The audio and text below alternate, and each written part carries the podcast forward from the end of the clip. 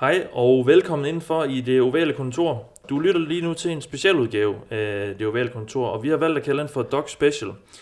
Og det er et format, vi ligesom har tænkt os at hive op af skuffen, hver gang der er et eller andet, som vi gerne vil gå lidt mere i dybden med. Øh, det betyder altså, at det her ikke er en optag til øh, weekends kampe, når, øh, når programmet har, har markeret Dog Special.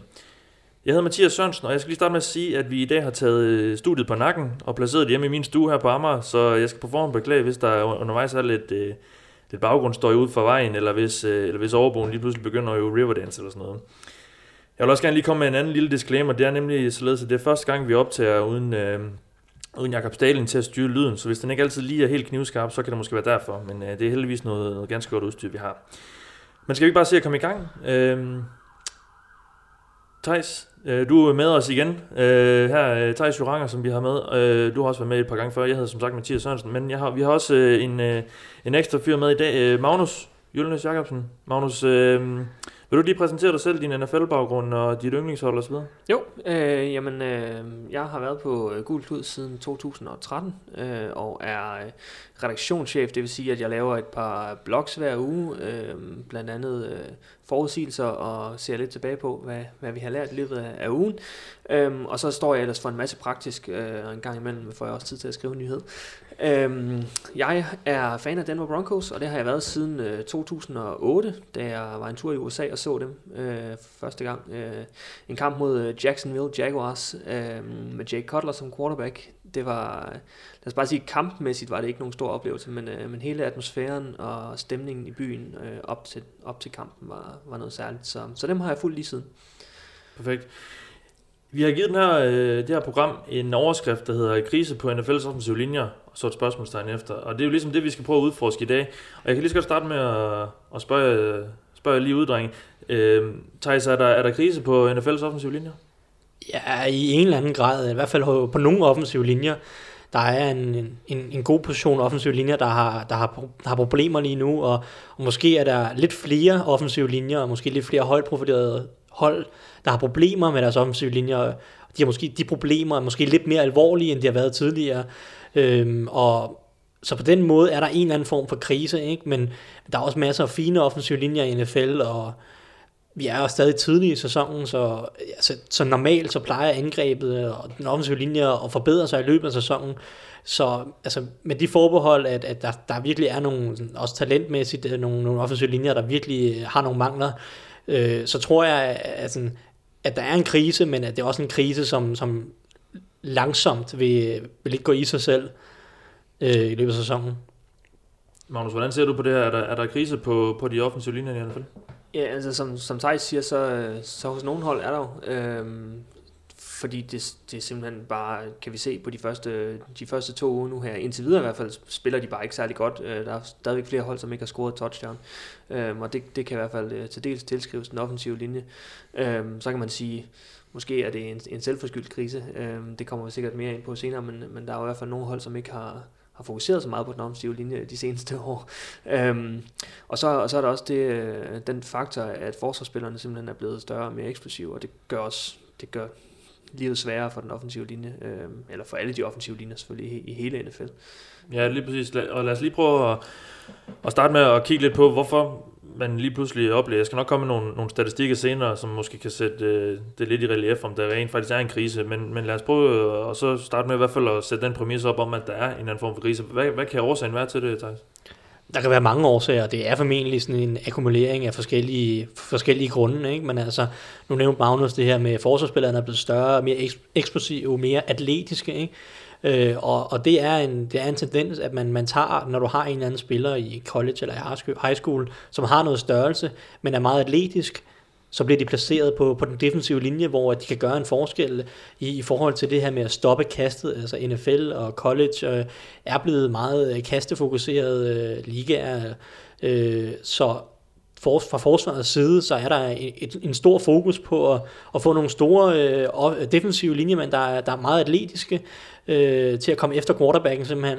Øh, og der, der, der er måske lidt i, i mindre udstrækning øh, øh, sådan, øh, tendens til at placere de gode atleter på den offensive linje, fordi u- uanset hvilken position i NFL, så er det bare en fordel at, at være en god atlet. Det er ikke et krav at være en fremragende atlet, men, men der skal være nogle atletiske evner i, i en eller anden udstrækning. Ikke? Og, så altså, en af grundene er, er, som Magnus siger, de defensive linjefolk i, øh, simpelthen bare er større, mere atletiske og svære at blokere. Øh, ja, og så altså, college giver bare nogle flere problemer, og college er bare meget anderledes end NFL, så der er også bare mange offensive linjemænd, som, som har en stor omvæltning og, og skal vende sig til nærmest et, et nyt spil i, i NFL. I 2011, der, øh, der forhandlede ligaen en ny øh, overenskomst på plads. Og den betød blandt andet, at, øh, at holdene ikke har lige så mange træningspas, og, og også øh, færre træningspas med, med fuld kontakt, altså med, med pads på og sådan noget. Kan, kan det have haft en anden... Øh, det, det, kan vel også, det betyder vel også, at man ikke har lige så meget tid til at, at spille sig sammen, øh, Magnus? Ja, ja, men det er da klart, at, at hvis man har kortere tid til at træne, øh, især med, med nye holdkammerater, og skal lære en, en helt ny playbook, og i, en liga, hvor alting går meget hurtigere, end det har gjort i college, øh, hvis vi nu bare tager rookies, øh, at, at så er det selvfølgelig sværere at omstille sig. Øhm, så det er da helt klart, at, at en eller anden form for indflydelse har det sikkert haft, og så, så skal det jo være op til trænerne at sørge for ligesom at, at forberede de spillere, øh, når de kommer ind i NFL, på hvad der nu venter, og at det er noget andet, end de har været vant til. Øhm, og det, det er der muligvis en del, der ikke, ikke har formået at gøre ordentligt. Men er det sværere at lære en, en offensiv linjemand op, end en defensiv linjemand for en NFL-træner?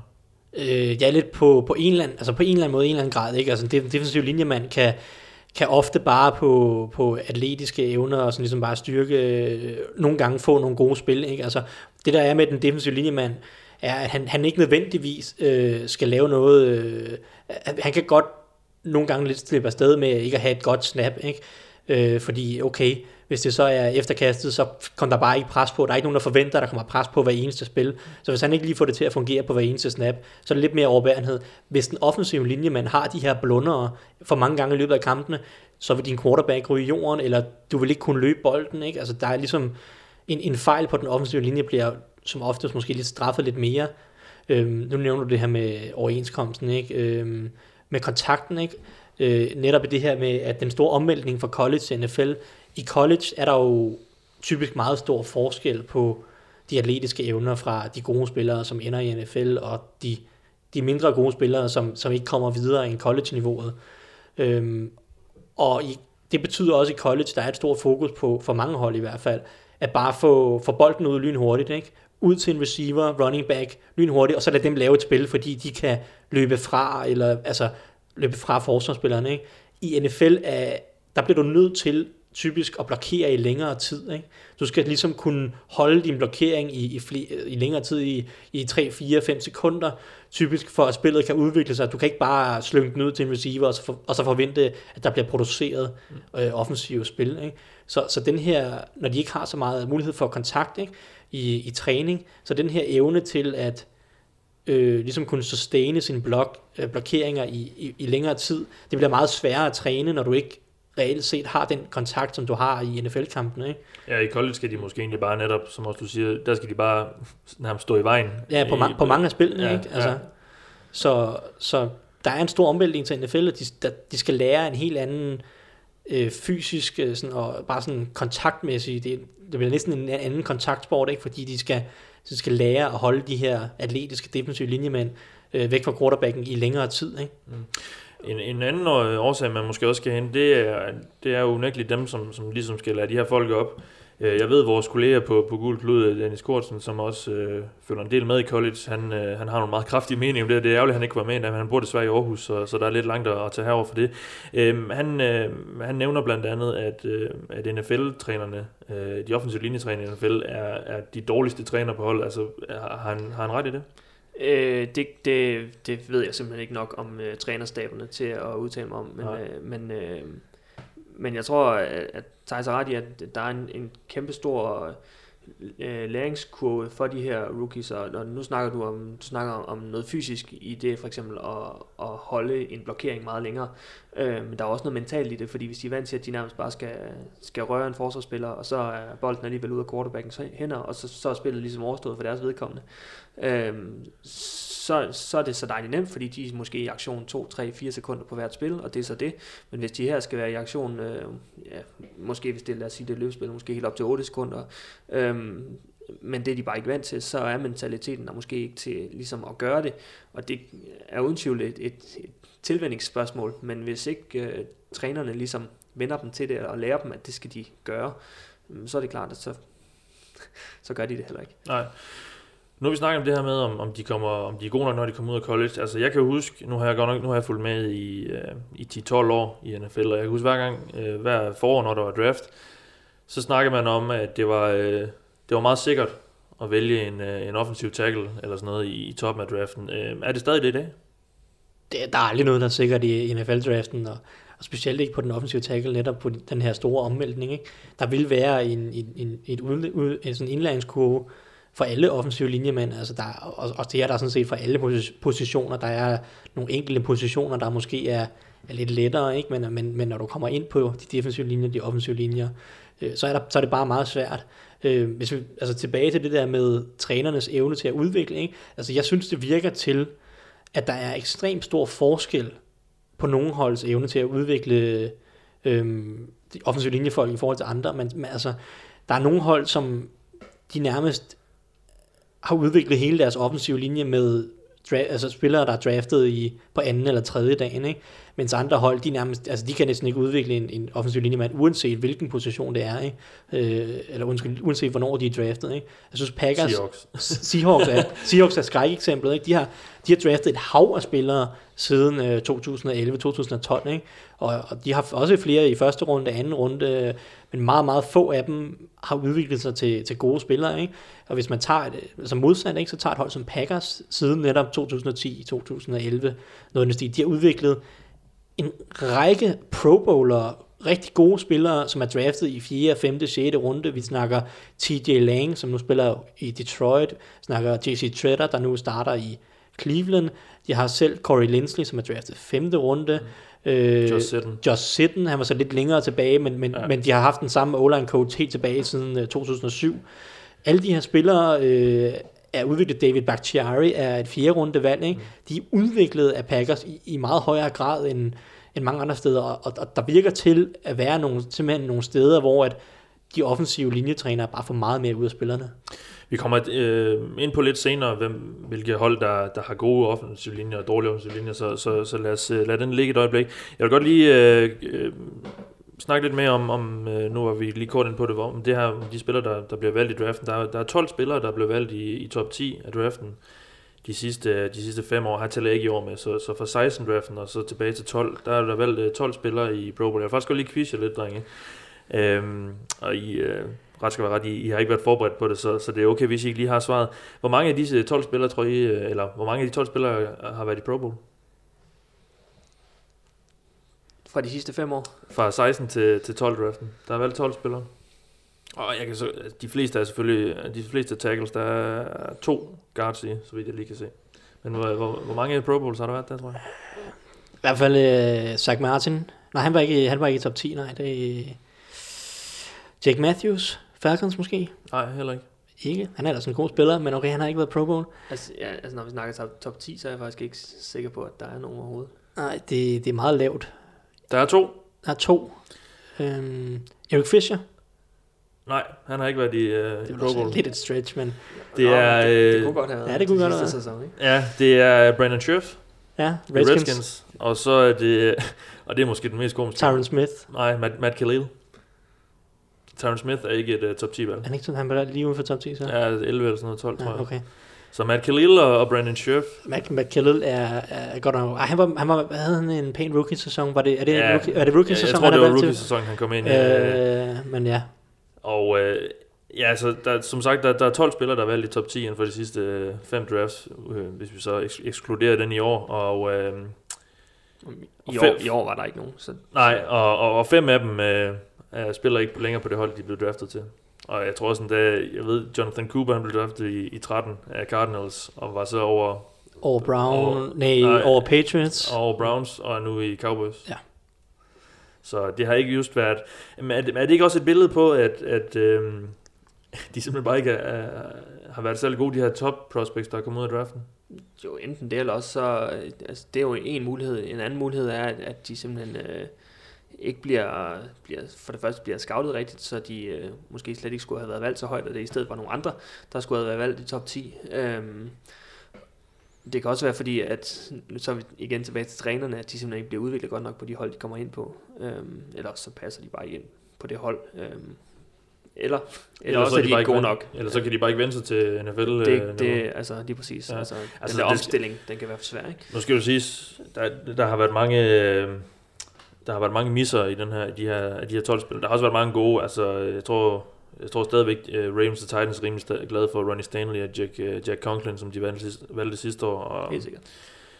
Uh, Lane Johnson i Eagles var godt nok ude med noget karantæne sidste år. Ja, så, men er formentlig også, ligaens bedste højre tackle. Ja, lige så. præcis. Og ja, Eric Fisher Ja. ja han, er, han er solid, ikke? Ja, I hvert fald, han har forbedret sig, lad os sige det så. Ja, ja, altså, han, er, han, er over, han er over middel efterhånden, ja, ikke? Han, han kæmpede med det i, i de første par år mm. i, i ligaen, ikke? Men, ja men, de har, men Chiefs er også i af holdene, der faktisk har formået at, at udvikle en, en del offensiv linjefolk sådan langsomt, så deres, deres offensiv linje har ikke mange profiler, men efterhånden så, så er den ved at være rigtig solid, ikke? Altså, Ja, og øh, nu har vi så ikke, øh, i den øh, optælling, jeg lige lavede her, det var så uden årets draft, men, men årets draft var faktisk rimelig spektakulær, i, hvad, i hvert fald hvad angår øh, offensiv linje, men der blev først valgt en øh, med det 20. valg, det var så faktisk Dean Broncos, der vælger Garrett, øh, Garrett Bowles, øh, guard, tackle. tackle. Øh, ja, lidt han spiller left tackle for dem nu. Ja, men, ja. men så vidt jeg husker, kunne han, blev han draftet som en, der kunne spille lidt over det ja, hele. jeg tror, de skulle finde ud af, hvor han passede bedst, ja. øh, og, og hvad de... Øh, og hvordan han passede ind med dem, med dem de ligesom havde hentet free agency, mm. øh, hvor de også forstærkede linjen,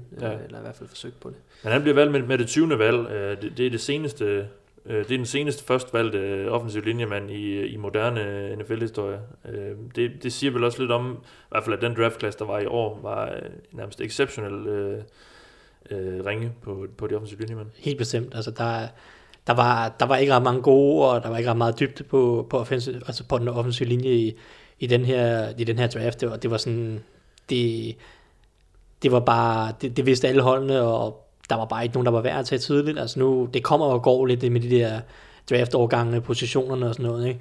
Efter sine så, så skulle der være en del gode tackles i næste års draft, øh, går, går sådan forlydende på tidligt her i sæsonen, ikke? Mm.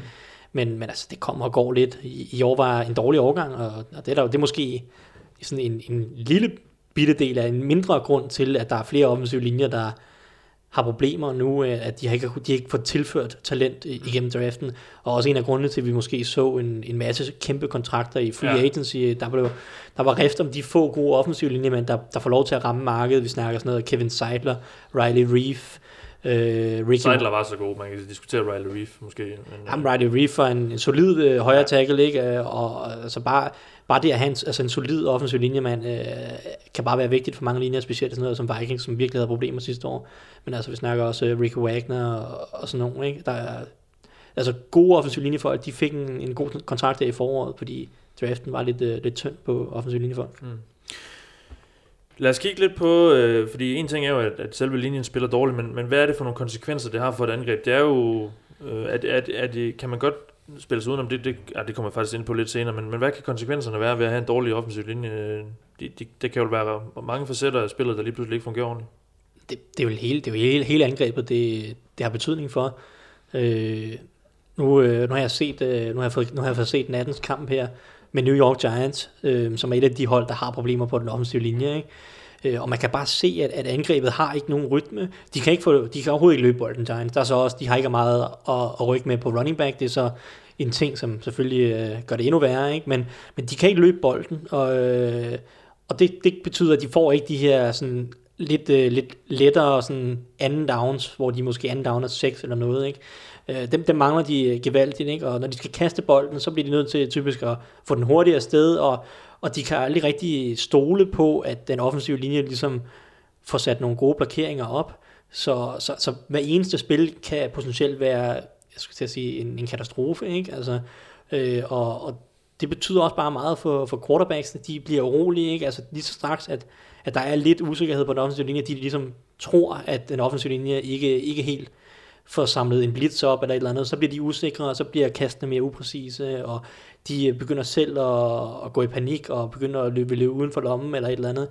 Så det betyder bare noget for hele angrebet. Det betyder også noget for altså bare sådan noget som playcalling. Ikke? Den offensive koordinator tør måske ikke det ene eller det andet, og prøver at gøre det lidt mere simpelt, eller holder måske en ekstra tight end inden for at prøve at hjælpe lidt med at blokere, men så er der også sådan et mål mindre ned ad banen. Så det, det, det har betydning for hele angrebet mm. på så mange forskellige øh, niveauer. Ikke? Og, og det er derfor, vi ser, altså, at hele angrebet sådan næsten har kollapset her i, i de første uger. Nu nævner jeg Giants og, og Bengals og til dels Seahawks er, er andre steder, hvor sådan hele angrebet bare øh, slet ikke fungerer. Ja, Magnus, du, ja, du har været ude og rejse lidt, så du har ikke set så meget uh, NFL de sidste, uh, her de første på, men jeg kan så fortælle dig, at uh, i, uh, i den første spilrunde, der var der seks hold, der lavede under 10 point. Og det var der faktisk også uh, her i weekenden. Mm.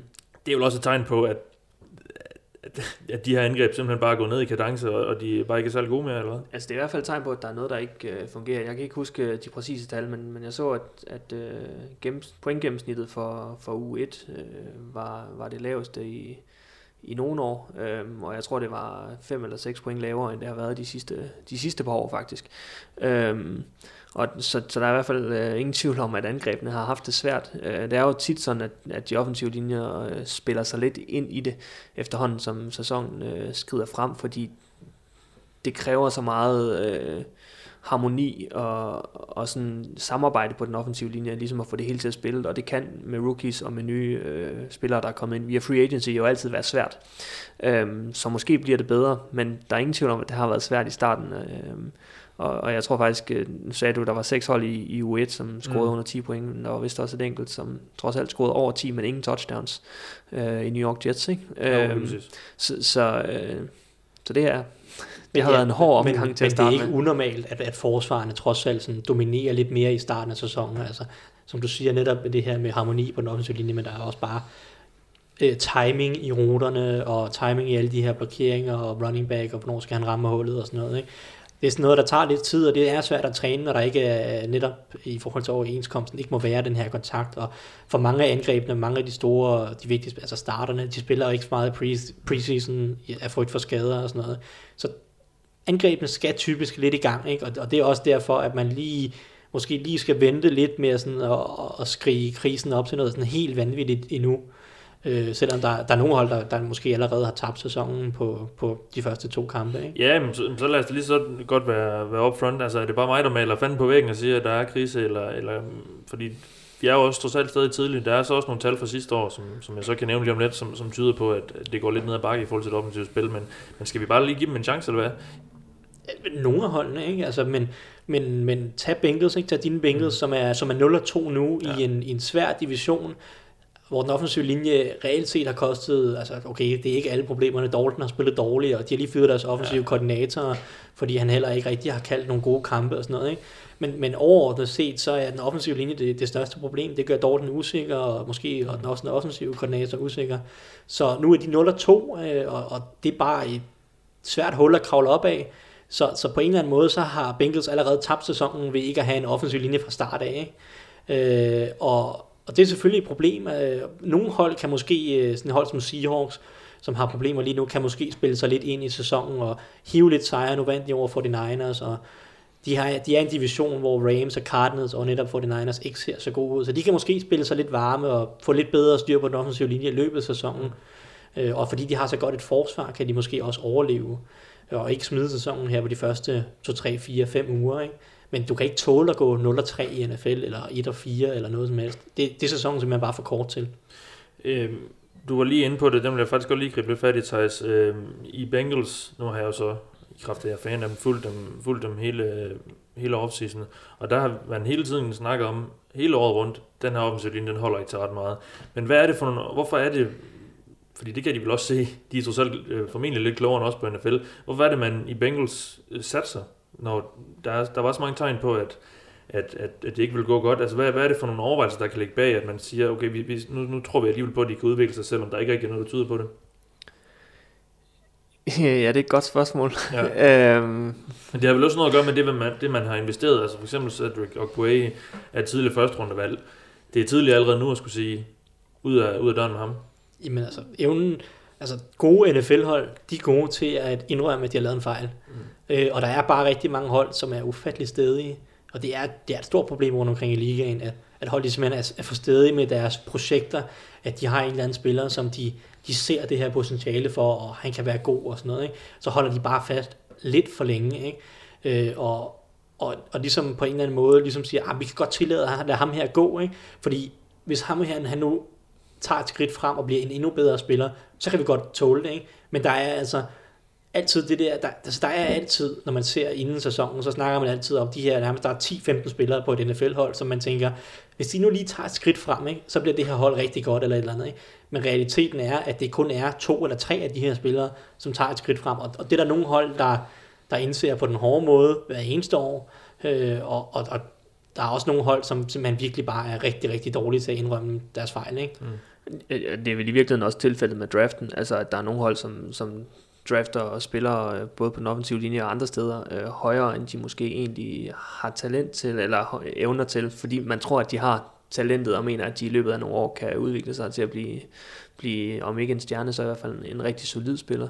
Øh, og det så viser sig, at jamen, det kan de måske bare ikke alligevel, og så har du spildt et højt valg på, du har taget, taget en chance øh, på en spiller, som, som måske godt, som du måske kunne have fået en runde senere, eller eller et eller andet. Ja, lige præcis. Ja, altså på, netop på den offensive linje, så er der mange hold, som, som de ser sig lidt blinde på, på størrelse, ikke?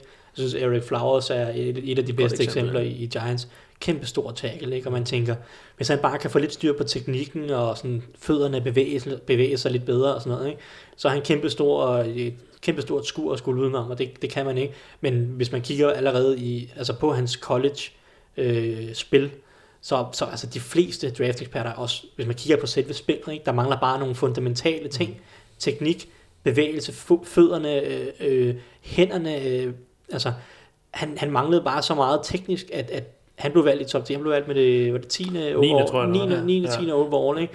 Og altså, lad os være ærlige, han har været en katastrofe her i de her to, og så to, kampe, to sæsoner og to kampe nu. Ikke? Ja. Han, han gav netop 3-6 op i nat til, mm. til Siggy Arnson. Ja, ikke? Altså, jeg kom til at tænke på DJ Fluger. Der, DJ Fluger, som, som, som, faktisk også er i Giants nu, tror jeg. Som også er i Giants som, ja. som backup nu. Ja, ikke? kæmpe, kæmpe, kæmpe stor øh, guard, skorstræk, mm. højre tackle, som Chargers draftede for nogle år siden. Øh, og han, det han kunne var også bare at være stor. Mm. Og man viste sig også bare ikke at have nogen form for teknik overhovedet. Og, ja, og, man ser ofte mange af de her anden runde valg, øh, som, som de er måske ikke så store, de er måske ikke så vilde atleter, men, men de har fundam, altså, de fundamentale teknikker, og de ved, hvordan man skal sådan, bruge deres øh, sådan, tyngdepunkt ikke? Til, at, mm. til at vinde deres blokeringer. Mm. Så altså, hold, nogle, nogle NFL-hold må også simpelthen tage sig lidt sammen og, og, og prøve at kigge lidt forbi bare størrelse og atletiske evner. Ikke? Mm. Men det må, det må et eller andet sted være, fordi at man vurderer, at det er nemmere at, og det er nemmere at træne teknik, end det er at træne sig op til at blive, til at blive større. Altså til ligesom at kunne modstå de der forsvarsspillere. Fordi ellers så vil man vel gøre det omvendt, tænker jeg. Ja, ja, men, men, men altså, faktum, er, bare, ikke, faktum er, at der er bare mange af de her offensive linjetrænere eller NFL-hold, der ikke formår.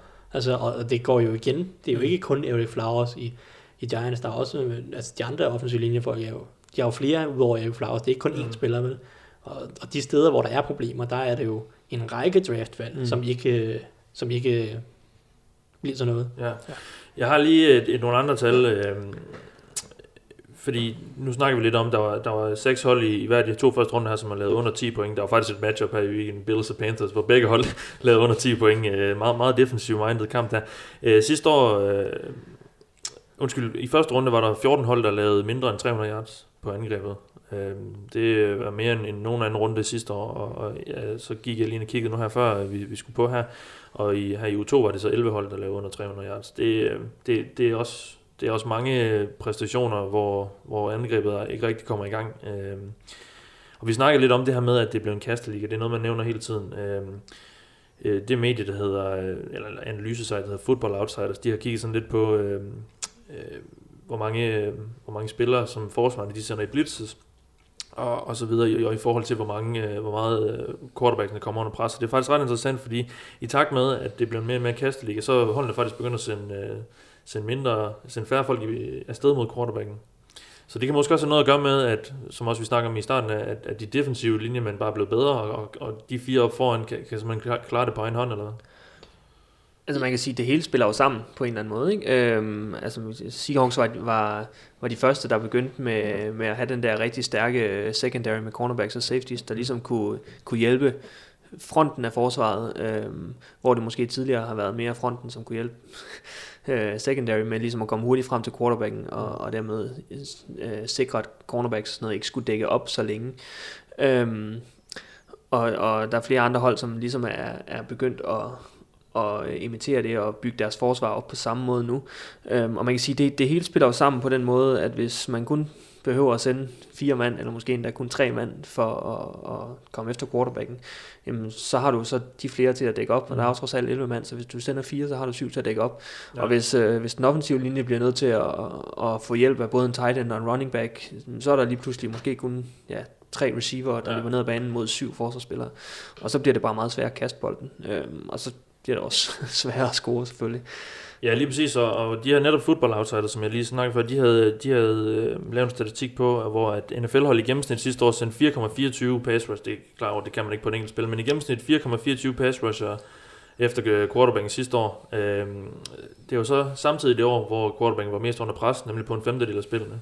Det er vel også et, en, en klar statistik på, at selvom der er færre, der blitzer end nogensinde, så er quarterbacken mere under pres. At det er jo også et billede på den offensive linjes kvalitet, eller hvad? Jo, men, men det, siger jo så, det er jo så lidt, det er lidt svært at vide med statistikken der, hvornår kommer de under pres? Kommer de under pres med det samme? Eller er ja. det fordi, der er så mange mænd i opdækning, at quarterbacken står dernede længere, ja. og så er, er mere øh, sådan sårbare over for, øh, for pres, der kommer over tid. Ikke? Det er sådan lidt svært at vide i forhold til nogle af de her statistikker. Ikke? Men, men altså netop det her med, at holdene ikke bliver så meget, altså der er mange øh, holdene, som det, det er svært efterhånden at få de her cornerbacks, fordi der, må, der er så lidt kontakt til det, ikke? ned ad banen. Så det er svært at få de her øh, cornerbacks, der rigtig kan lukke en receiver ned. Ikke? Så typisk så de fleste af de cornerbacks, der starter rundt omkring i NFL, der, de bliver nødt til at have safety hjælp over toppen, eller øh, bliver nødt til at altså, have, have spille i, en, i en zone eller et eller andet. Ikke?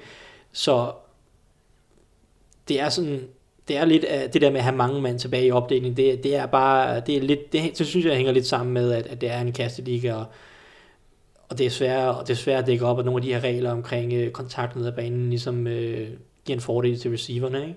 Og så, så, så en anden ting med mange af de her blitzes, er, er måske også quarterback-talent i ligaen, ikke? Når man, når man ser mange af de her quarterbacks, ikke? Øhm, og nu er vi lidt hårde ved, ved nogle af altså de her Kirk Cousins typer, som mest af alt lever på, bare på at kaste bolden kort. Ikke? De dumper bare bolden af. Ikke? Øh, hvis du sender en masse blitzes mod dem her, ikke? så er der større chance for, at du bliver fanget i en eller andet, et eller andet screen, eller et eller andet lille kortkast. Ikke? Men at hvis du bare holder syv eller otte mand tilbage i opdelingen, øh, og så de kaster den kort, så har du en masse folk, der kan komme op og takle dem hurtigt, uden at de rigtig får noget ud af det. Og det har bare vist sig, at mange af de her quarterbacks, som Kirk Cousins, selvom du kun sender tre eller fire mand efter dem, så kan de ikke lide at have bolden længe. Det er ikke sådan en Aaron Rodgers, der bare står dernede, indtil der er et eller andet, som er helt åbent ned ad banen. Altså Rodgers, han tager den tid, der er, ikke? for at lede efter det bedst mulige spil. Kirk Cousins og mange af de nye quarterbacks i NFL, og nogle af de lidt mindre gode quarterbacks i NFL, de er mere tilbøjelige til bare, øh, nu er der en fri mand øh, tre yards ned ad banen, så giver vi ham bolden. Ikke? Mm. Øh, så det måske, hænger måske også lidt sammen med, med quarterback-talent og nogle af quarterback-spillerne. Altså vi så også Sam Bradford, der satte uh, completion percent rekord sidste år, ikke? men altså faktum er jo også bare, at han kaster et hav af korte kast, som, øh, altså, som selv på tredje downs og sådan noget. Ikke? Så det er jo sådan lidt, der, altså hvis de kaster en masse kort kast, så er, det, så er det bedre at have en masse folk nede i opdelingen, der kan, der kan komme frem og bare stoppe det, i stedet for at blive fanget i en eller anden blitz. Ikke? Lad os lige prøve at snakke om, fordi der er jo nogle hold, og det kan vi også allerede se i år, blandt andet Bengals og Giants osv., som unægteligt har nogle dårlige offensive linjer de, øh, man har så ikke set dem justere ind endnu, men, men kan man spille sig ud af at have, altså kan man, kan man godt overleve i NFL med, med en dårlig offensiv linje? Øh, ja, det kan man godt, men det bliver stadig sværere, vil jeg sige, fordi at, at forsvarsspillerne er så dygtige, som de er. Øhm, og det kræver, at man har en af de bedre quarterbacks i ligaen, vil jeg sige. Øhm, det kræver, at man har en, som kan en, en quarterback, som ligesom kan hjælpe den offensive linje, øh, når man står ved line of scrimmage og skal til at snappe bolden, og, og ligesom hjælpe dem med at, at udpege, hvem er hvem blitzer, øh, hvem er safety, hvem er middle linebacker, sådan nogle mm. ting. Øhm, og hvis ikke man har det, og det er der jo mange, mange af de unge quarterbacks, der ikke er super skarpe til, øh, i hvert fald ikke endnu, øh, jamen så bliver det bare svært, hvis, især hvis, hvis forsvaret så prøver at forvirre med blitz fra, fra forskellige sider, og måske en, en defensiv linjemand, der dropper tilbage i coverage, og så kommer der en safety på en blitz i stedet for, og sådan nogle ting. Ja. Øhm. Også bare det her med at kunne fornemme lommen, ikke? Det, mm. det, det er en egenskab, som er ekstremt svær for mange quarterbacks. Ikke? Hvis de har en offensiv linje, hvor lommen begynder at den giver sig lidt, ikke? Den, den, den, bliver, den bliver lidt tæt derinde omkring quarterbacksene, eller quarterbacken, så er der mange af dem, der går lidt i panik, ikke? Øh, mens at, at de gode øh, quarterbacks, når vi ser Aaron Rodgers og Ben Roethlisberger, og nogle af dem her, der er rigtig gode under pres, ikke? Og Tom Brady, sådan noget, de kan bevæge sig i lommen, okay, min venstre tackle har lidt problemer det her snap, så kan jeg lige træde lidt op her, og, og sådan noget her, og så får de alligevel bolden afsted, ikke? Øh, der er mange quarterbacks, der går lidt i panik, ikke? Øh, Sam Bradford fik jeg nævnt før, han er lidt, han er lidt af det samme, øh, øh, Derek Carr tidligt i hans karriere specielt havde, havde problemer. Han, han er blevet bedre og bedre. Han har stadig lidt problemer med, når han er under pres. Ikke at han er det meget med den offensiv linje, de har, men, men han var tidligere i sin karriere, det var et af hans problemer, det her med, lige så straks der kom noget pres, så gik han lidt i panik, og så begyndte han at stå lidt og danse dernede, og, eller så blev det bare et eller andet kort uh, dump-off uh, for 1-2 yards. Ikke? Mm. Uh, så, så den her evne til at kunne fornemme lommen er, er også ekstremt vigtig. Magnus, hvis jeg nu skal, skal gøre dig til offensiv koordinator på et NFL-hold, og, og du øh, på et hold, som havde en, en dårlig offensiv linje, øh, det, hvad, vil du, hvad for nogle spil vil du så hive frem af playbooken? Altså, hvad, hvad er det for noget, man, man kan gøre for at dæmme op for det? Øh, jamen det er virkelig måske nok nogle af de spil, som, som de offensive linjemænd kender fra college. Altså nogle af dem, hvor, hvor, det, går, hvor det går hurtigt. Øh, quarterbacken kommer hurtigt af med bolden, og man får... Øh, og man, altså, får flyttet bolden hurtigt. Øhm, det kan være screens eller øh, små slants til, til receiverne. Øhm, det kan være nogle, øh, nogle løbespil, hvor man øh, måske prøver at, at løbe den på ydersiden og har en tight end til at hjælpe med at blokere. Øhm, hvor man ligesom øh, prøver at, at annullere det eventuelle pass rush, der måtte komme, øh, eller, eller den manglende evne, som linjen har til ligesom at bevare en god lomme til quarterbacken. Ja. Øhm, så, ja. så, så noget med at, ligesom at, ja, at få, få bolden ud af hænderne på, på quarterback rimelig hurtigt. Ja, præcis. Ja. Det her med også med, altså en af de ting, som, som Falcons var så gode til, Kyle Shanahan gennem hele sin karriere har været så god til, det er ligesom at skabe en lomme. Altså offensiv koordinator. Offensiv koordinator for Falcons, nu cheftræner i, ja. for Niners. Han har tidligere været i, i Washington og i Cleveland. Øh, I Washington, der hed han Robert Griffin øh, blandt andet, og i Cleveland har han haft en, en række dårlige cornerbacks. Øh, blandt andet Brian Hoyer, som han nu er tilbage i, ja. tilbage i Fortnite igen. Men det han er så god til nogle gange, det, eller ofte er at skabe en lomme for quarterbacken, ikke? med nogle af de her øh, bevægelige spil, eller play-action passes, ikke? eller play-action, hvor han netop, hvor hele den offensive linje blokerer lidt til den ene side, og så får quarterbacken ud på en bootleg, ikke? Øh, det betyder så også typisk, at du kun har en halv bane at kaste, fordi når han først er på en bootleg, så er det svært at kaste modsat i den ene side. Men det giver bare quarterbacken typisk, øh, i hvert fald en masse plads, at kaste til, fordi at forsvaret bliver nødt til at respektere den her løbetrussel. Øh, og det giver også, hvis man har en, en lidt mangelfuld offensiv linje, og en lidt mangelfuld øh, sådan quarterback måske, øh, netop en lidt ung quarterback, så giver det, giver det dem lidt, øh, lidt, lidt lettere spil at læse. Ikke? Quarterbacken skal kun læse den ene halvdel af banen, så hvis du har en to-tre ruter der, en, en kort en, og en lidt dybt, og en øh, sådan imellem, ikke? Så, så typisk vil du kunne først og fremmest skabe plads til quarterbacken, så han får en, en mere rummelig lomme at kaste fra, øh, give ham lidt mere tid måske, og så samtidig vil du gøre sådan, kastespillene lidt lettere ned ad banen, øh, fordi han kun skal læse den ene halvdel af banen. Ikke? Mm. Så, så nogle af de her ting, hvor man, i hvert fald også fordi mange af de quarterbacks, der kommer ud af college, de er typisk lidt bevægelige øh, efterhånden, ikke? de kan ofte løbe bolden, eller øh, løbe bolden selv. Så hvis man kan få dem lidt ud at bevæge sig, og skabe nogle af de her bevægelige lommer, som typisk har lidt mere plads, så lommen ikke bare kan kollapse, øhm, så giver du dig selv måske en, en lidt bedre chance i hvert fald. Ikke? Hvis vi kigger lidt på, på historiebøgerne, så øhm, altså, hold, hold med, offensiv, eller med dårlige offensive linjer, eller i hvert fald, i hvert fald ikke så gode offensive linjer, altså kommer de Super Bowl, når jeg lige tænker tilbage på de sidste par stykker, så øhm, synes jeg ikke rigtigt, at så synes jeg, at de hold, der har været i Super Bowl, er jo også nogen, hvor man hvor der har været en rimelig stabil offensiv linje. Øh, Netop det her med stabilitet, ikke? hvis vi ser på sidste sæson, så var der to offensive linjer i hele NFL, hvor at alle fem startere øh, spillede over 90% af snapsene. Mm. De to hold, de endte i Super Bowl. Ja. Så det her med at have en stabil offensiv linje i hvert fald, øh, øh, de havde begge, altså Falcons havde en rigtig dygtig offensiv linje. Det var ikke en, måske ikke en top 3-4 stykker, men altså en, en, en top 10 linje helt bestemt, og, og Patriots øh, offensiv linje spillede også rigtig godt sidste år. Det var nok også en top 10 linje i NFL, ikke? Mm. Der er ikke nogen, der siger, at du skal have en, en monster offensiv linje for at komme i NFL, for nu, hvis du kigger lidt på Super Bowl og går lidt tilbage, altså Seahawks har ikke haft øh, nogen dominerende offensiv linje længe, men, men de har trods alt været Super Bowl to gange inden for noget tid, ikke? Og Denver har også været Super Bowl uden, øh, uden øh, sådan en vanvittig offensiv linje, ikke? Øhm, men trods alt, synes jeg, når jeg kigger på de offensive linjer, ikke, så er det, det er bedre end nogle af de offensive linjer, der løber rundt og har problemer nu. De kan godt være, at de ikke er gode, vel, men der er trods alt en 2-3, måske fire tålelige spillere, ikke, som de er ikke fantastiske, men de, får, de gør arbejdet nogenlunde fornuftigt på de fleste snaps. Ikke? Altså, hvis vi tager Seahawks, de var i Super Bowl lidt over, altså, de havde trods alt Max Unger og James Carpenter og Russell Okung. Ikke? Ja. Øh, ikke nogen fantastiske spillere, men, men, men solide starter i NFL, ikke? Øh, og bare det at have bare nogen, der er solide, øh, er, er bare vigtigt, og hvis man kigger på nogle af de offensive der har problemer, så er der bare ingen lige nu. Man kan sige lige præcis i forhold til Seahawks, nu nævner du uh, Max Unger, han var faktisk uh, All-Pro. Uh, ja, helt og, og, og, og, og så, så valgte de uh, hos Seahawks at, at trade ham væk til Saints for Jimmy Graham. For Jimmy Graham. Uh, og de gav endda et første rundevalg med til Saints i den samme handel. Uh, og det, det, det har ikke fungeret så godt for dem, Nej. kan man sige. Jimmy Graham har været ramt af skader, og det er selv nu, hvor han er skadesfri, er det, er det begrænset, hvor meget han, han rent faktisk præsterer for dem. Ja, det øhm, Ja, vi så, ser Russell Wilson uge efter uge løb, nærmest løb rundt for livet. Ja, og, altså der... der i, år, han, i år han gudskelov skadesfri, så han kan løbe. Det kunne han ikke ja, de sidste altså, år. Der, men Russell Wilson spil lider også, ikke? Altså, han, har ikke spillet, han har ikke spillet godt de første to uger, vel? Nej. Og han, har, han, han virker også til at være lidt panisk nogle gange på nogle af de her spil, fordi han, han frygter, at han bliver nakket af en eller anden defensiv linjemand på hver eneste spil. Altså U1 var et rigtig godt eksempel på det, fordi de netop spillede mod Packers, som, som har en, en linje, som de ligesom selv har udviklet øh, gennem, gennem draftvalg.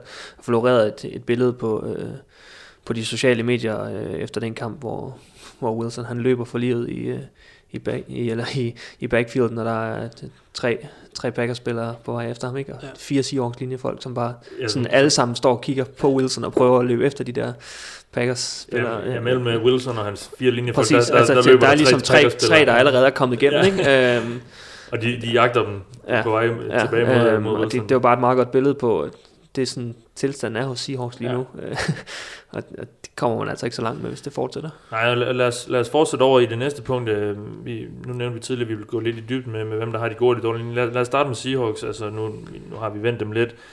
De har jo misset på det ene øh, forholdsvis høje draftvalg efter det andet. Altså Jermaine Fetty, øh, som, de, som, de, som de draftede sidste år, var en af de, de dårligste øh, offensive linjemænd i hele ligaen. Altså, ja.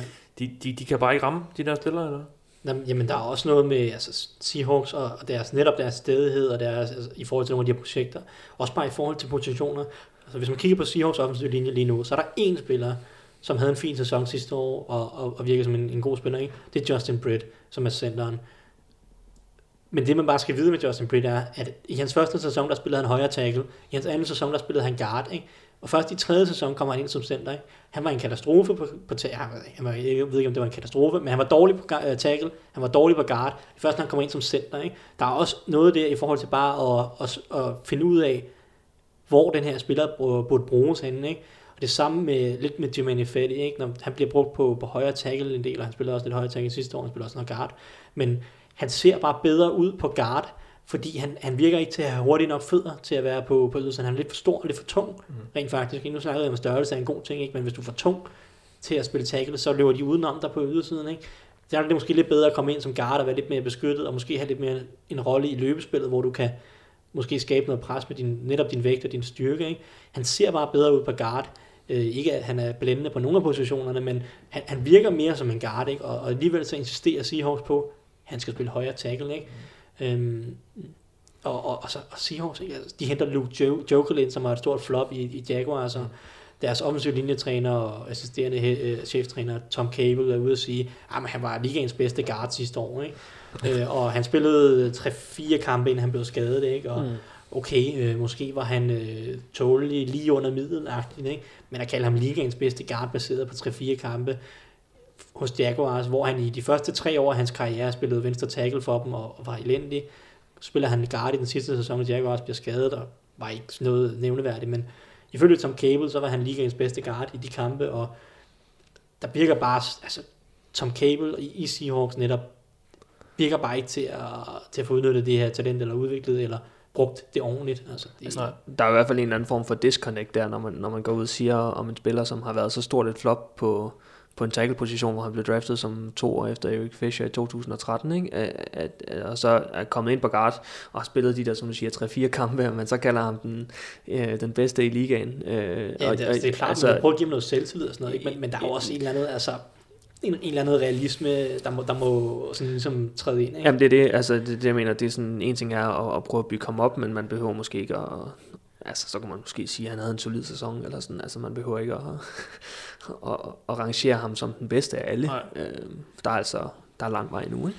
Lad os kigge på, altså nu har vi, nu har vi snakket om al, al dårligdommen i, i NFL. Altså, der er jo også nogen, der har, der er også nogen, der har nogle gode offensive linjer. Der er masser af gode offensive. Ja, lad os, lad os bare være ærlige. Altså, hvad, hvad er det for nogle hold, øh, Magnus, hvor du kigger på, at de, de er rimelig solide foran? Øh, jamen det kan jo for eksempel være, øh, være Tennessee Titans eller øh, et, et, et hold, som jeg frygter lidt i år øh, som Broncos-fan, det er Oakland Raiders, Mm. mm. øh, som jo har investeret en masse i, øh, i deres offensive linje. Øh, de har gjort det meget gennem free agency, mm. men de har virkelig fået, fået bygget et, et slagkraftigt hold sammen, og det er nærmest en, en- sådan en mur, der står foran øh, Derek Carr. Ikke? Ja, hvem er de Øh. bedste spillere der? Øh, jamen det er jo øh, især øh, deres guard, øh, Kelechi Osemele, mm. øh, som, som måske, måske ikke er den bedste i ligaen. Øh, han er i hvert fald deroppe af. Øh, så har de en, øh, en ret stærk center i Rodney Hudson. Øh, og de har lige forlænget med deres left tackle, Donald Penn, Ja. øh, i yderligere to år. Øh, så de, de, øh, de prøver ligesom at... Det er også lige forlænget med Gabe Jackson, deres Ja. højre guard. Ja. Altså, de fire Altså, de- der, som de- de, de, er bare rigtig, rigtig dygtige. de gør fire, virkelig noget for, for ligesom at, at sørge for at få noget stabilitet på linjen, og sørge for, at det, det er nogle store gutter, som virkelig kan sp- spille med noget power, og de kan flytte nogle, nogle forsvarsspillere. Ja. Øhm, og nu har de så fået en, en Marshawn Lynch ind, øh, også som running back, som jo så på egen hånd også kan flytte forsvarsspillere, det Ja. hjælper dem selvfølgelig lidt mere. Øhm, men at, man- de, de gør virkelig noget for det, og det har også hjulpet Derek Carr øh, helt enormt, at, at han lige pludselig har tid til at kaste, og, og altså han har jo udviklet sig nærmest eksplosivt de sidste, de sidste år. Ikke? Ja, og så nævner du Titans, som jo faktisk egentlig lidt af et hold, som er gået tilbage til en slags old school øh, fodbold, har, har bygget en, en meget, meget øh, slagkraftig offensiv linje op, øh, som, som ligesom skal danne grundlag for, øh, for et løbespil, som ligesom skal være hjørnestenen i deres forsvar, hvor mange angreb jo som sagt godt lide at kaste meget, så har de, så har de kigget på at lave det her øh, smash mouth, exotic smash, smash mouth, tror jeg de kalder det selv, øh, stor offensiv linje, man øh, har draftet to øh, tackles i, i toppen af draften de sidste par år, øh, øh vi snakker om øh, Jack Conklin sidste år, og Taylor Lewan også for et, for et par år siden, og jo, som også du påpeger, en, en linje, som jo er, er virkelig dominerende.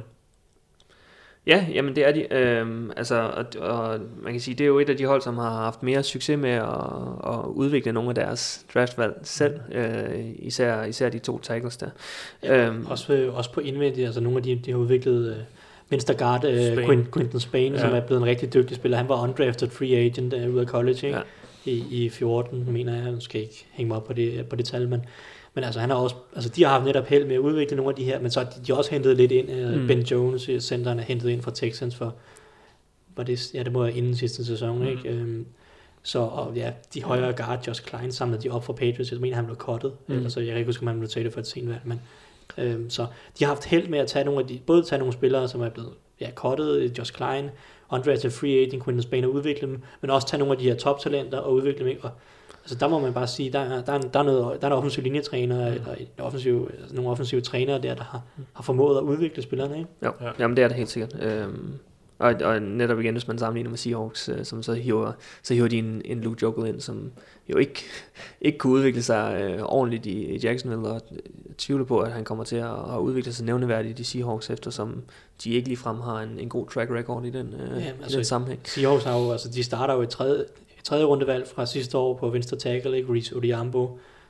ser, ser også dårlig ud. Fjerde rundevalg, Mark Lewinsky på guard, ser Mm. heller ikke godt ud, som vi var inde på i Fetty og sådan noget. Det er jo nogle af deres egne draftvalg. De ser bare ikke gode ud. Altså, de er bare ikke blevet udviklet, eller de, de får bare ikke noget ud af dem.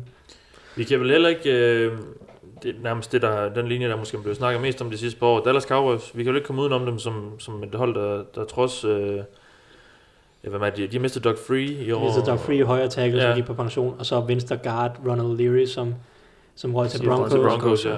Så altså, de har... Stadigvæk tre... De har, de har, de har, stadigvæk tre af de, de, hvis man de skal tage en bedste. trio på Ja, en af de offensive ja. linjer, så har de den bedste trio med Ja.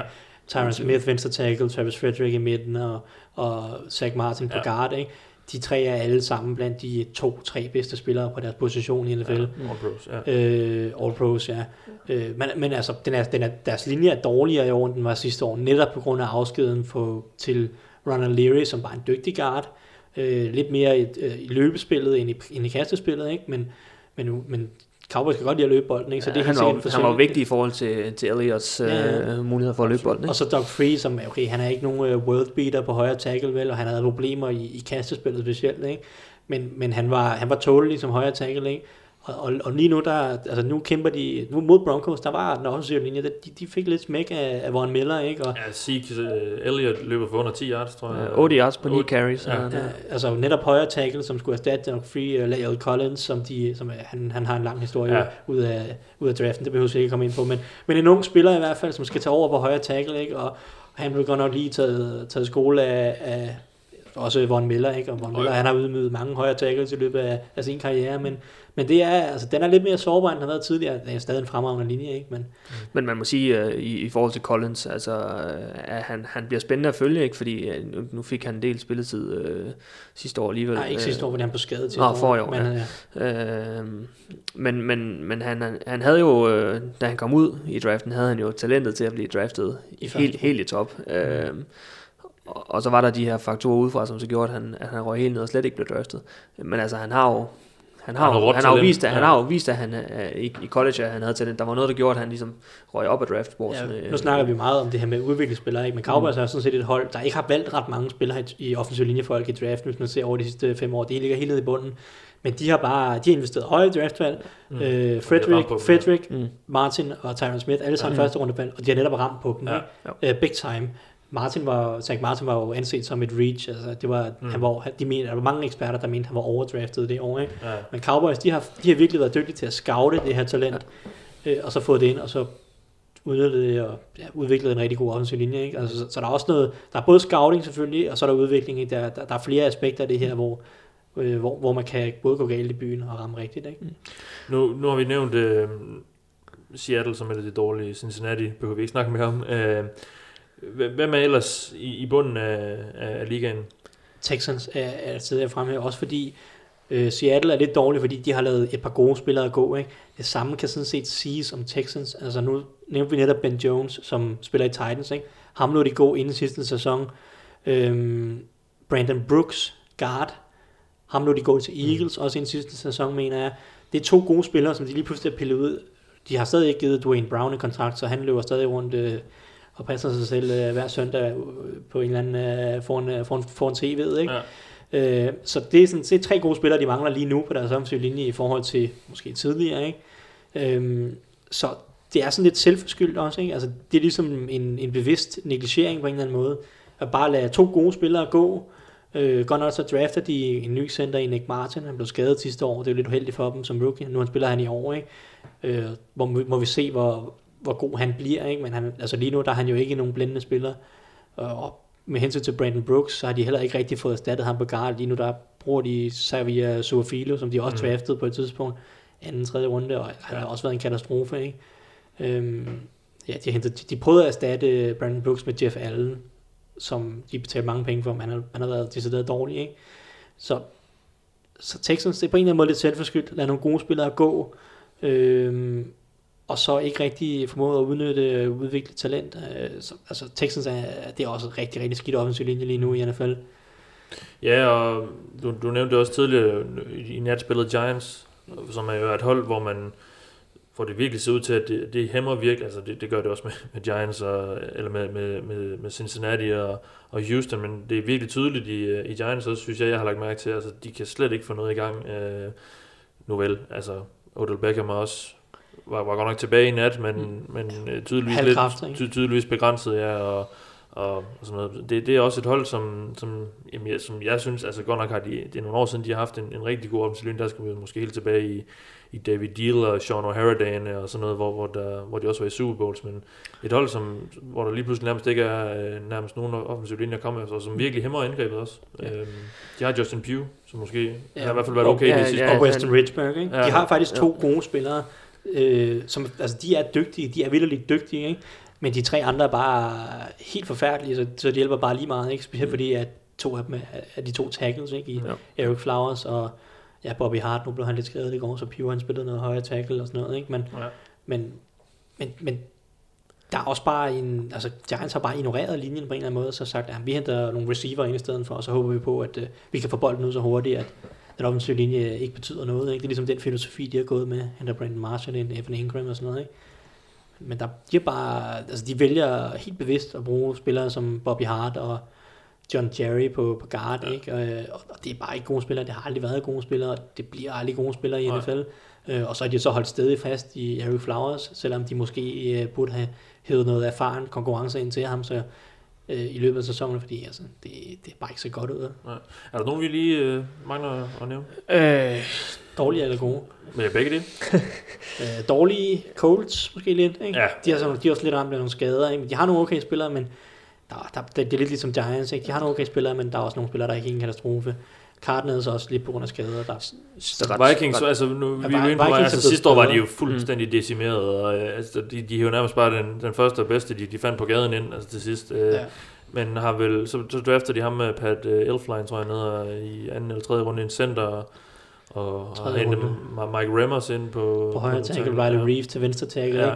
Det er stadig ikke nogen dominerende offensiv linje. Lige nu der starter Nick Easton. Han havde store problemer her i weekend. Nu spillede de mod netop mine, mine Steelers, ikke? Og, mm. og Nick Easton han blev, han blev bøllet hele kampen igen. Ja. Øh, så de har stadig nogle huller, ikke? men lige nu er deres offensiv linje nok. Den er, den er god nok, ikke? netop fordi de har en 3 fire spiller Joe Burger, som spiller guard, ikke? Han er ikke nogen, han er, han er godt op i årene, ikke? Men han kan stadig, sådan, han kan stadig godt spille på et, på et starterniveau. Ikke? Det betyder, at de har fire spillere, som, som, som netop er på sådan starterniveau i hvert fald. Ikke? Og så Nick Easton, som er, som er under starterniveau. Så, så selvom det ikke er nogen god offensiv linje, og det kommer ikke til at være nogen perfekt offensiv linje hele året, så, så går det ligesom lige nu. Ikke? Den, den offensiv linje er god nok til, at jeg tror på, at, at Vikings vil kunne være et godt hold, hvis, hvis andre dele af holdet præsterer. Ikke? Ja. Ja, altså man kan sige, øh, med, med en offensiv linje, hvis man har øh, mere, end, mere end to huller, så, så, så bliver det svært, ikke? Ja. Øh, fordi øh, forsvaret kan ligesom arbejde på at ramme dig. Øh, hvis du har et enkelt hul, så, så, så kan du måske hjælpe med en tight end eller en running back til at blokere eller et eller andet, men hvis du så lige pludselig har to eller tre huller på den offensive linje, hvor man bare er overmatchet, så kan du ikke gøre så meget.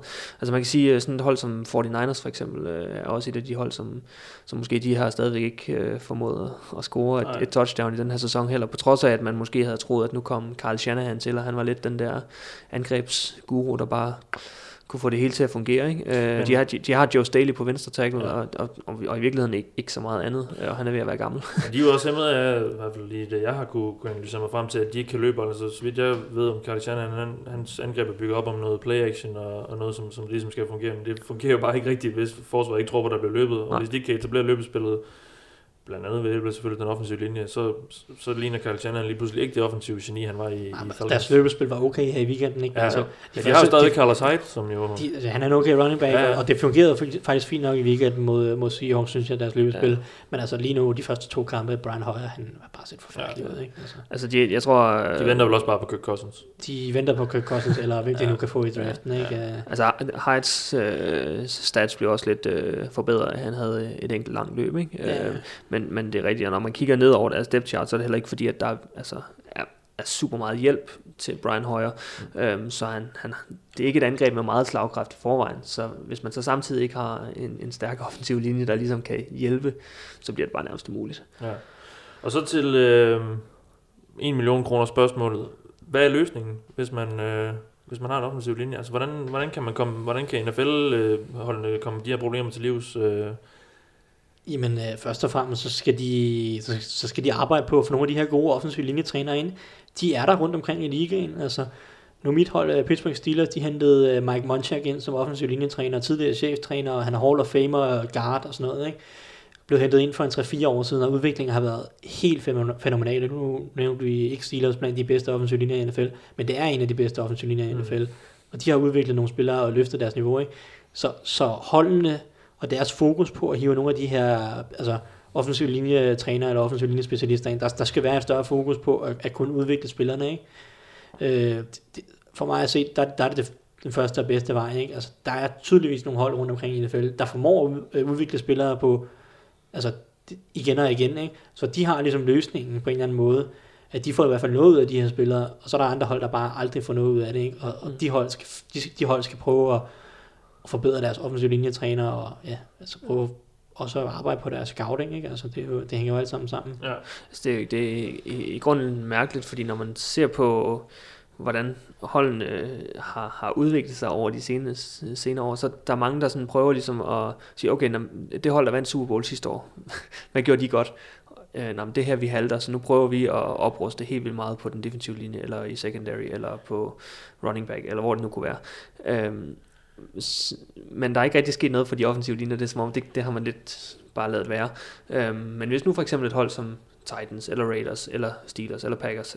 Øh, Packers har så også en rigtig god quarterback, så, så der kan det være svært. Ikke? Og Packers offensive linje er blevet en lille smule dårligere, ja. netop med afskeden af TJ Lang. Mm, helt sikkert, helt sikkert. Men, men, men jeg tror, for at der ligesom kommer mere fokus på det fra holdenes side, bliver nødt til at være et af de hold, som har en rigtig god offensiv linje, der også klarer sig rigtig godt, og måske går hele vejen og vinder Super Bowl. Fordi det tyder på, at det er de sidste år, at det der er sket. Ikke? Altså, så, så man måske, altså for, for Broncos vedkommende for eksempel, blev de jo slagtet fuldstændig af, af netop Seattle meget på i, i Super Bowl 48. Mm. Øhm, og, og der havde de, øh, der Broncos havde jo et historisk angreb det år, øh, året efter, så lavede de fuldstændig om, og så handlede det hele om forsvaret. Mm. Øhm, og det tror jeg bare sådan er meget, øh, er meget sigende for mange hold, at de sådan, okay, hvor, hvor det halter hos os, der hvor dem, som vandt Super Bowl sidste år, er stærke, ja. så nu prøver vi at gøre det samme som dem. Men hvis der så ikke er talentet, så er det selvfølgelig et, et problem, ja. hvis der er lige pludselig 32 hold, der skal kæmpe om måske fem gode spillere hvert år. Mm. Så, det er jo lidt så kommer det til at tage en år. Altså. Ja, det er det. Men nu er det der med et hold, altså hold, der vinder Super Bowl. Netop Patriots er jo netop et sted, hvor den offensive linjetræner har gjort en stor forskel. Dante Skarnecki, ja. Dante Skarnecki, ja, ikke, som kom tilbage. Han havde været offensiv linjetræner i nogle år. Ja, så, var han, så gik han på pension ja. øh, i et år, og så havde Patriots offensiv linje store problemer netop i det år, hvor Broncos øh, vinder Super Bowl i Super Bowl 50 der, ikke? Der var AFC-finalen i Denver jo, det var jo en, en nedslagning af Brady. Han, ja, ja. han lå mere i græsset, end han stod ja, op, ikke? Ja. Uh, Von Miller og Marcus Ware uh, torturerede Patriots offensiv linje. Det er uh, Belichick, han var lynhurtigt til at sige, uh, sige til Dante Skarnecchia, kan du ikke lige komme tilbage og hjælpe os lidt her? Ja, nu har de et par solide spillere og så ser David man, Andrews og Marcus Cannon og Shaq Mason. Og præcis, så ser man sidste år netop Shaq Mason og Marcus Cannon tage, tage store skridt, blive meget bedre spillere. Marcus Cannon ja. var, var elendig inden sidste sæson, men han, han lige pludselig så udvikler han sig og de får også øh, styr på lidt på center David Andrews, og de drafter Joe Tooney, som spiller en fin rookie-sæson og sådan noget. Så stor en forskel kan en offensiv linjetræner gøre, ikke?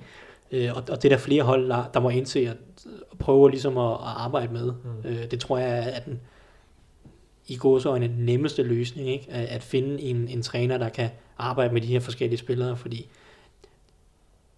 det kan godt være, at college-niveauet og, og talentmassen er lidt dalende, ikke? men der er, der er talent at arbejde med. Det er ikke sådan, der bare ikke er noget. Jo. Man mm. ser jo hele tiden spillere, også draftet sent og sådan noget, som slår igennem. Ikke? Mm.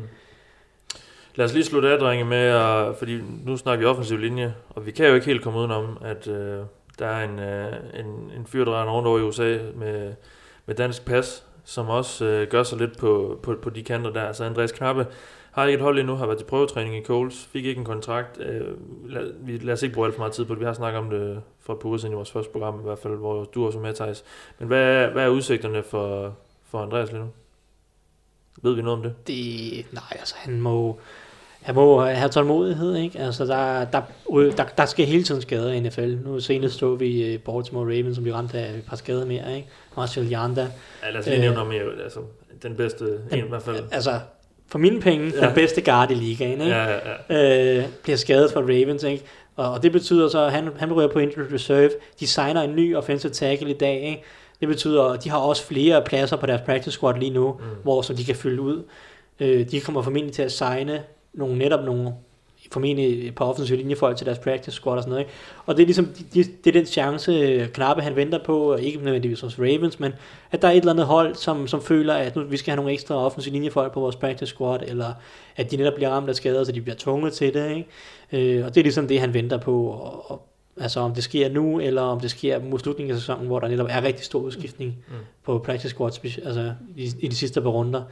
Øh, det er svært at vide, ikke? Ja. Man kan jo sige, det er, det er altid positivt, at, at han trods alt har været til den prøvetræning, han var hos Scholes, fordi det betyder jo, at der er nogen, der har øje på ham, ja. og at han ikke bare er, er glemt, glemt af, efter at han, han ikke kom med på Falcons hold. Øhm, og så kan man sige, nu, nu har Gold sagt, at Andrew Luck han er, han er ude, når de spiller mod Browns i, i weekenden. Øhm, det bliver spændende at se, om den offensive linje ser lige så dårlig ud, når han kommer tilbage. Mm. øhm, eller om det, er, om det er quarterbacken, der gør det. Øh, hvis han nu hurtigt bliver sækket syv gange og skadet igen, så kunne det godt være, at, at de hos Indianapolis tænkte, at nu skulle der alligevel ske nogle forandringer. Så det ved man aldrig. Er der mere, vi lige skal vende, øh, drenge? Noget, I har skrevet ned på forhånd, I lige vil have med? Så skal det, skal det til at være, tror jeg. Ikke, ikke umiddelbart. Nej. Jamen skal vi så ikke bare sige, uh, sige tak for nu? Uh, du har lyttet til en uh, udgave af Dog Special, et nyt format, vi har lavet her. Uh, jeg hedder Mathias Sørensen, med mig jeg har haft Thijs Joranger og uh, Magnus Jølnes. Tak fordi I lyttede med.